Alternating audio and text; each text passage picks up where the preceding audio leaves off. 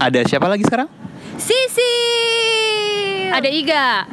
Jadi yang tadi siapa? Oh, gua ulang, ulang, ulang, ulang. ah, lu mah. Gue Kita kira ada kita- siapa kita sekarang dulu. maksudnya bintang tamunya. Kita dulu, belum. Eh, tantar dulu Oh, iya, iya. bintang tamu kan. Gua ulang ya. Ulang. PPG dan Tuxedo. Cut. Three, two, one.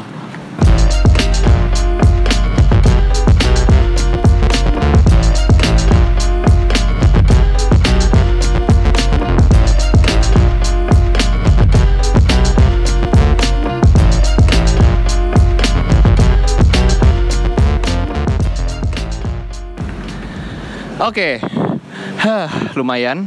Nggak capek tapi agak berkeringat jadi baru selesai lari. Mungkin ada yang bisa dengar ini suara lagi di mana? Nggak kedengeran. Gue lagi di GBK. GBK yang sekarang sudah terang dan bagus. Gue nggak sendiri lagi-lagi ada Rumania. Iga. ada Iga. Terus siapa? Kita ngajak ngobrol siapa? Sisilia. Yeay. Siapa sobat-sobat yang teguh, sobat. sobat eh gue nggak pernah manggil sobat Apa tuh? nggak ada juga nggak ada panggilannya belum ada. nggak ada Oh, ya. Hah, jadi eh, malam ini dapat kesempatan sih buat ngobrol sama Sisil.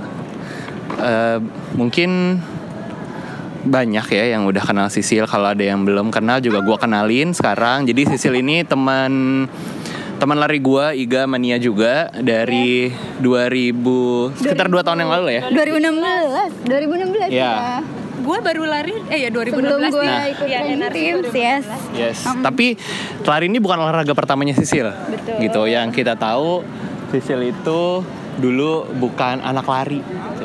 Dulu waktu gue pertama kali kenal Sisil tuh Sisil badannya bulky gitu. Hobinya tonjok-tonjok Hobi. orang. Ngeri ya. Ngeri ya, hobi tunjuk ke orang. Jadi senengnya apa Sisil dulu Sil sebelum lari Sil? Dulu sebelum lari, gue tuh anak gym banget sih gue. Eh, tiap hari nge-gym, combat. Basically lebih suka combat sih. That's why badannya bulky. Oke, terus kenapa lo sekarang jadi lari? Kenapa ya? Ini tuh kayak kalau udah sayang susah move onnya. Aduh, ini fansnya Sisil yang denger podcast ini pasti kayak, wah ternyata, ternyata Sisil susah move on, Iya. Entahlah, eh, bikin jatuh cinta dan senyaman itu sama lari. Selain itu bisa ketemu banyak teman-teman baru juga. Itu yang bikin kenapa gue bisa bertahan sampai sekarang ini di berlari. Oke, jadi sebenarnya gini sih, ya, eh, ide ini tuh pop up gitu aja ketika kita janjian malam ini buat jogging sedikit gitu ya, lari bareng, terus gue langsung kepikiran gitu, eh gue sebenarnya tuh ada nih yang mau gue tanya sama Sisil, jadi sekalian aja, siapa tahu ini bisa di share, dibagi apa, didengar sama teman-teman dan bisa dapat ilmu yang bermanfaat. Oke, gue merasa dijebak nih gue. Emang, emang itu sih. Emang itu rencana kita dari Kita tuh diam-diam penyekap loh. Iya betul. Oh baik. Oke, jadi eh sekarang ini lo lagi gabung di eh, komunitas yang namanya Indorunners. Indorunner dan yang gue tahu Indorunner ini komunitas lari terbesar di Indonesia sekarang ya Sil ya? Betul. Betul. Eh, di kota mana aja yang nggak ada Indorunner ya, Sil? Di kota mana aja ya? Yang nggak ada.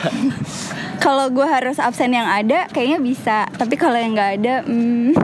Nah. karena hampir kayak di setiap kota ada eh, beberapa teman-teman Indo runners gitu. Oke. Nah, eh, boleh cerita nggak awal lo bisa masuk ke dalam komunitas ini tuh apa awal ceritanya? Yes, jadi waktu 2016 gue memutuskan untuk serius berlatih eh, ketika persiapan mengikuti race jaraknya half marathon waktu itu. Dari Indo Runners sendiri punya training teams, namanya adalah Air University. Nah, gue coba daftar tuh. Ternyata lolos seleksi, akhirnya ikut training selama kurang lebih tiga bulan. Setelah selesai training, ternyata dari teman-teman Runi ada mengajak gue untuk uh, bergabung di timnya mereka. Udah sampai sekarang. Oke, nah eh, berarti tiga bulan lo Tiga latihan bulan, dibantu betul. sama Indo Runners. eh, banyak kemajuan gitu ya. Betul yang gue rasakan. Oke, eh, sebenarnya menurut lo dari skala 1 sampai 10 dalam olahraga lari kan sebelumnya lo nge-gym nih. Mhm. Nge-gym mungkin kalau nge-gym lebih banyak sendiri atau sama trainer gitu kan ya? Kalau nge-gym hmm, lebih seringnya kalau gue sendiri eh, ikut kelasnya dan ada instrukturnya. Oke, berarti ikut kelas posisinya posisinya peserta. Mhm. Betul. Kalau di komunitas ini kan kayak lo lebih ketemu sama teman-teman, kenalan sama orang baru, Mhm. eh, sharing dan lain sebagainya gitu kan. Betul. Nah, eh, apa menurut lo poin utama atau manfaat terbesar untuk ada di dalam sebuah komunitas lari itu apa sih? Berada di komunitas lari? Yes. Poin terbesarnya tuh apa sih kayak kayaknya kalau lari tuh nggak asik gitu loh. Jadi mendingan lo join- join komunitas gitu mungkin. Kenapa sih? Karena gue berasal dari pelari yang tadinya lari sendiri.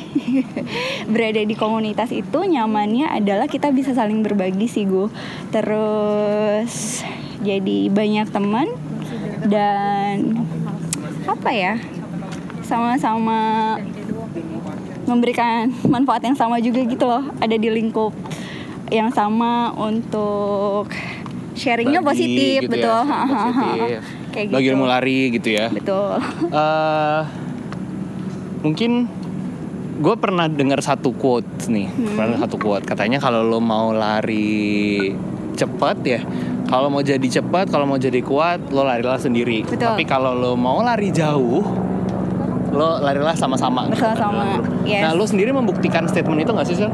betul pas lari apa pertama kali lo ngerasain bahwa lo oh ternyata enak ya lari punya banyak Hmm, ketika ada di training teams itu sih karena gue eh, waktu itu mengikuti program untuk lari yang lumayan jauh kan 21 km di mana ini ada helikopter lewat nih.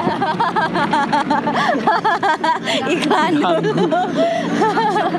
Ganggu jadi. Tak bentar. Ini nggak selesai-selesai ya, mohon maaf ya. Oke, jadi eh, lo ikut di program untuk latihan 21 kilo. betul nah Half marathon ya itu ya. Uh, waktu itu kenapa gue merasa kayaknya kalau larinya bareng-bareng itu uh, akan terasa lebih ringan terus nggak berasa tahu-tahu udah jauh gitu ya karena mm, waktu itu gue ingat peak training itu 20 kilo gue tuh orang yang gampang demotivasi tapi ketika itu beberapa teman-teman training teams gue bilang kalau gue bisa dan akhirnya gue bilang oke gue harus buktikan gue bisa menyelesaikannya tapi kayaknya gue harus butuh teman. Dan akhirnya ada beberapa teman-teman yang satu training teams beneran nemenin long run dan beneran selesai. Akhirnya dari situ gue beranggapan bahwa iya ya kalau lari bareng-bareng itu kayaknya nggak berasa dan lebih Gak berasa. Kalau gue kok tetep rasa ya capek. berasa capek mungkin mungkin maksudnya Ah, ah. mungkin maksudnya motivasinya ada motivasi Motivasinya, lain. betul. Gitu. Kayaknya ada Oh. teman ada teman yang lu ajakin ngobrol-ngobrol jadi nggak terlalu kerasa banget Oh, ibu secara mental. ngobrol. Iya, ya ngobrol lah. Masa diem-dieman aja kayak orang berantem?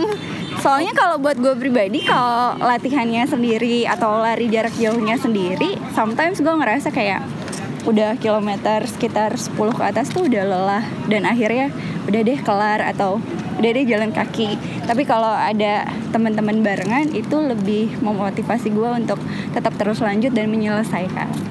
Oke. Tapi mungkin sekarang eh, posisinya men- eh, apakah yang nyemangatin lo itu orang-orang yang lebih kuat dari lo, yang mereka lebih strong atau sebenarnya ada yang sebetulnya sama-sama payah nih sama lo, tapi dia karena ada lo juga, ada yang lain juga dia jadi ikut semangat gitu atau iya. Hmm. Ya jadi kan gue berada di Indo Runner sendiri dan kenal dengan beberapa teman-teman di luar Indo Runners pun sudah lumayan lama gue Em, dari yang larinya tanda kutip sudah jago. I mean jarak jauh kayaknya sudah menjadi hal biasa untuk mereka sampai makanan sehari-hari. teman-teman yang memang newbie karena dulu gue pernah menjadi pacer juga di programnya Indo Runners. Jadi keduanya punya apa ya eh, sensasi yang berbeda. Uh sensasi. Bedanya adalah kalau lo berlari sama temen yang memang sudah terbiasa gue lebih termotivasinya dia ngasih semangat kalau gue bisa dan harus menyelesaikannya karena ditemani sama dia. Tapi kalau jatuhnya gue lari dengan Temen yang teman selevel. yang selevel atau bahkan newbie gue justru termotivasi untuk nah kamu juga bisa kok gitu sama-sama sebenarnya ada ada ini ya, ada efek gengsi gitu ya. Waduh, masa yang lain laman gue, gue gue yang kuat gitu. Eh, bisa jadi tapi lebih ke gue mau berbagi kalau gue bisa lo juga pasti bisa Nice. Nah itu mungkin yang yang banyak banyak teman-teman yang baru banget mulai lari kayak bingung gitu. Oh. Oke, barusan hampir ada kejadian. jadi, eh, lu jadi ngomong apa? Gue lupa tadi tuh ada efek oh ya buat buat teman-teman yang baru mulai lari eh, kadang suka ngeliat kan kayak wah gila eh, si si Sil misalnya atau Iga Iga udah bisa sampai 42 kilo. Aduh kayaknya gua enggak deh gitu. Nah eh, pada dasarnya kalau kalau waktu sama kok waktu gue Iga Nia dan mungkin Sil juga waktu awal pasti ya udah 5k cukup. Udah bisa 5k ternyata 8 Penasaran. 8k gitu ya 8k 8k ternyata bisa Terjebak sama keinginan sendiri. Ya benar 10K bisa. Jadi sebenarnya kayak ada sebuah perasaan nagih gitu nggak sih untuk nambah. bener nambah. banget Nah salah dan satu dan satu dan salah satu yang bikin nagih itu gara-gara lo lari sama temen Ya. betul gue setuju sih soal itu gitu.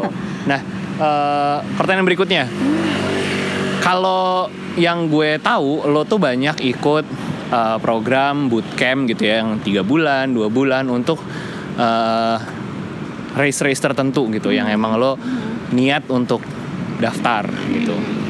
Eh, kalau boleh tahu sekarang udah lo pernah itu nggak sih udah berapa kali lo menjalani sebuah latihan intensif untuk sebuah race? Actually yang betul-betul terprogram itu baru dua kali Eh, ketika gue half marathon 2016 itu sama kemarin untuk program BFI BFI itu Eh. half marathon juga. Ya, eh, dan sisanya sebenarnya lebih ke ngikut bareng sama program yang lagi dijalankan sama Runi. Oh, ya ikut bareng-bareng aja. Nah, eh, mungkin satu hal lagi ya yang yang menarik dari Sisil ini meskipun dia udah lama larinya, udah dari 2016, tapi Sisil ini tidak memutuskan untuk ikut maraton. Yes. Belum pernah full maraton. Belum pernah. Kenapa sih lo? Kenapa lo memutuskan untuk gua nggak nggak gua nggak mau deh maraton? Eh, sebenarnya gue lebih ke sadar akan kemampuan diri sendiri dan juga kalaupun someday memutuskan untuk lari maraton harus dengan persiapan yang betul-betul baik. Em, jadi gue rasa untuk saat ini belum. Nggak tahu nih ya kalau nanti ternyata ke depannya ada hidayah untuk bisa maraton. Pengen Ada hidayah atau ada yang ngebeliin Ada. slot maraton? Tapi kalau Pengen yang banget. bikin slot gue kayaknya nggak ini sih mau bazir nggak ngaruh. Ya jadi eh, gue garis bawahi menurut Sisil adalah dia tahu kemampuan dirinya dia gitu kemampuan dirinya bahwa kayaknya gue nggak bisa deh untuk maraton mungkin bukan nggak bisa bisa tapi butuh dedikasi yang sangat besar yang mungkin saat ini belum bisa lo penuhi ya Betul, dedikasi itu ya. betul. Karena gue memikirkan beberapa hal dari segi waktu latihan yang uh, kita kan semuanya pekerja nih gue uh, nggak bisa sepenuhnya untuk fokus latihan. Hmm, sometimes kerjaan harus lembur, makanya latihan ada beberapa yang ke skip. Jadi gue sangat menyayangkan itu. Kalaupun someday harus maraton, berarti gue harus mengambil keputusan untuk benar-benar fokus jalanin latihannya. Gitu. Oke, eh, sedikit ngelanjutin dari apa yang di episode sebelumnya waktu gua ngobrol sama Maxi, Maxi juga bilang kan kayak eh, kita tuh sebenarnya jangan lari terpaku kalau gua lari tuh gua harus maraton, enggak juga. Jadi memang harus disesuaikan sama kemampuan, waktu, terus eh, dari result-result juga nggak sih? Jadi misalnya kayak kayak gue eh, ah gua nggak mau ikut maraton lah orang gua lari 21 kilo aja udah terseok-seok gini rasanya kayak kapok gitu nggak mau lari lagi tapi Nah, nggak tetap lari lagi Itu yang salah satu jadi pemikiran gue juga sih. Gue itu adalah tipe orang yang kalau lari jauh eh cranky. kalau udah lelah bisa marah-marah. Gue sampai mikir, duh kayaknya kalau gue maraton, kalau baru sekian kilo aja udah lelah gini nanti gue bisa marah-marah atau yang paling gue takutkan adalah merepotkan orang lain atau terjadi apa-apa sama gue gitu Oke, gue penasaran sama tadi lo itu udah dua kali ikut eh, latihan yang terprogram secara intensif. Yang pertama buat Jakarta Marathon 2016. Yang kedua eh, untuk BFI kemarin 10K gitu. Eh, sebelumnya gue mau tanya dulu, apa motivasinya eh, lo ikut sebuah program yang terstruktur dan intensif kayak gitu? Sebenarnya gue mau melawan diri sendiri aja sih dan tetap punya keyakinan kalau gue bisa karena so far yang bikin belum tercapar tercapai itu adalah lebih ke apa ya gue hmm, yang gue bilang kadang gue gampang demotivasi males jadi kalau ikut latihan eh, seenggaknya mau nggak mau gue harus latihan Oke. Jadi ikut ikut program intensif supaya bisa uh, termotivasi untuk fokus. Jadi latihan terus gitu ya nggak berhenti. Nah ini mungkin jadi alternatif buat teman-teman yang aduh gue kalau latihan sendiri suka belang beton dan sebagainya mungkin bisa cari ya bisa cari kelas-kelas intensif Eh, banyak kok yang nggak berbayar gitu ya. Sebenarnya banyak yang berbayar. Jadi itu bisa membantu juga. Nah eh, dari dua program latihan itu apakah lo mencap lo berhasil dapetin apa yang lo mau nggak dari hasil larinya? Eh, untuk training teams yang tahun 2016 itu gue sudah berusaha sem- semaksimal mungkin ketika ikut programnya. Tapi ternyata ketika hari H race-nya eh, itu hujan besar. Jadi gue tidak mencapai waktu terbaik gue. Tapi lo bisa finish dengan bahagia pada saat itu? Hmm, agak kecewa waktu itu. Nah, Oke, agak kecewa. Berarti kalau gue kalau gue simpulkan sebenarnya nggak terlalu dapat banget ya apa yang dipengenin. Betul, tapi biarpun nggak dapat eh, timing yang diinginkan, gue mendapat pengalaman dari teman-teman yang satu training teams. Oke, it- eh, sorry Sil, itu yang yang pertama, yang pertama jadi lo nggak dapat. Yang kedua kemarin yang terakhir banget gimana? Yang kedua agak meleset dari target. Dan kali ini benar kita nggak bisa tebak apa yang terjadi ketika race dan hari H. Banyak faktor yang menyebabkan uh, kita bisa gagal untuk mendapatkan personal best. Tapi gue balik lagi ke prinsip lari itu bukan cuma soal dapat personal best, tapi lebih gimana cara kita bisa bahagia larinya, finishnya tetap bahagia dan dapat manfaatnya. Oke, jadi eh, tadi Sisil udah bilang nih, ada yang dia nggak nggak dapat personal base-nya, tapi dia juga bilang, lo juga bilang kalau ya memang gue tuh lari bukan buat ngajar personal base gitu. Meskipun di awal pasti sempat ada keinginan atau udah di- udah dikasih target gitu ya, ih gue bisa nih finish gini, tapi ternyata gagal dan ada faktor-faktor X. Nah. eh, gue pengen ini jadi sesi penutup tapi jadi eh, yang mungkin bisa buat jadi pelajaran buat kita semua. Yaitu pertanyaannya adalah apa yang bikin lo gagal dari nggak dapetin targetnya? Atau pembelajaran apa sih sebenarnya yang lo dapet? Pembelajaran ketika gagal dapat target itu lebih ke kita harus siap dengan faktor X ketika race biarpun kita ngerasa badan kita udah siap terus latihan kita sudah cukup tapi kita nggak bisa tebak apa yang terjadi ketika hari hanya jadi faktor X ini ya mau nggak mau kita harus lawan sih. Cuman balik lagi ke pribadi masing-masing dan kita harus tetap ingat eh, sama tubuh kita sendiri. Jangan terlalu memaksakan. Berambisius boleh, tapi gue rasa nggak ada salahnya juga kalau kita harus mengalah sama ambisi kita karena kita harus lebih sayang sama diri kita sendiri. So kalau gagal, gue rasa nggak apa-apa. Next kita coba lagi ya gue. Oke. Ya, jadi eh, kenapa nih gue gue baru mau cerita ini di belakang. Jadi latar belakangnya kenapa gue gue pengen ngajak ngobrol Sisil adalah eh, Sisil ini temen salah satu temen gue yang dia paling gigih. Paling gigih. Jadi kalau udah dikasih menu latihan ikut program Sisil ini gigih banget. Segigih itu menjalani semua program latihannya. Bahkan yang 2016 itu pernah kita temenin dia lagi sakit-sakit gitu ya Ga ya? Yoi, keras banget. Keras banget dan Iga juga ngerasain latihannya tahun lalu gitu. Eh, thank you Sisil udah mau ngobrol, thank you udah mau berbagi. Eh, sesi ini tidak jadi sesi yang panjang tapi semoga eh, lo semua yang dengar bisa dapat maksud dari apa yang Sisil sampaikan. Mungkin ada yang mau disampaikan lagi buat penutup Sisil? Hmm, yang mau disampaikan gue itu bukan tipe pelari yang terlalu berambisius tapi seenggaknya kalau kamu punya mimpi tetap terus kejar Hmm, tapi tetap ingat juga sama kemampuan diri sendiri jangan lupa untuk tetap sayang sama badan kalian terus tetap lari bahagia itu sih Oke, lari bahagia kuncinya.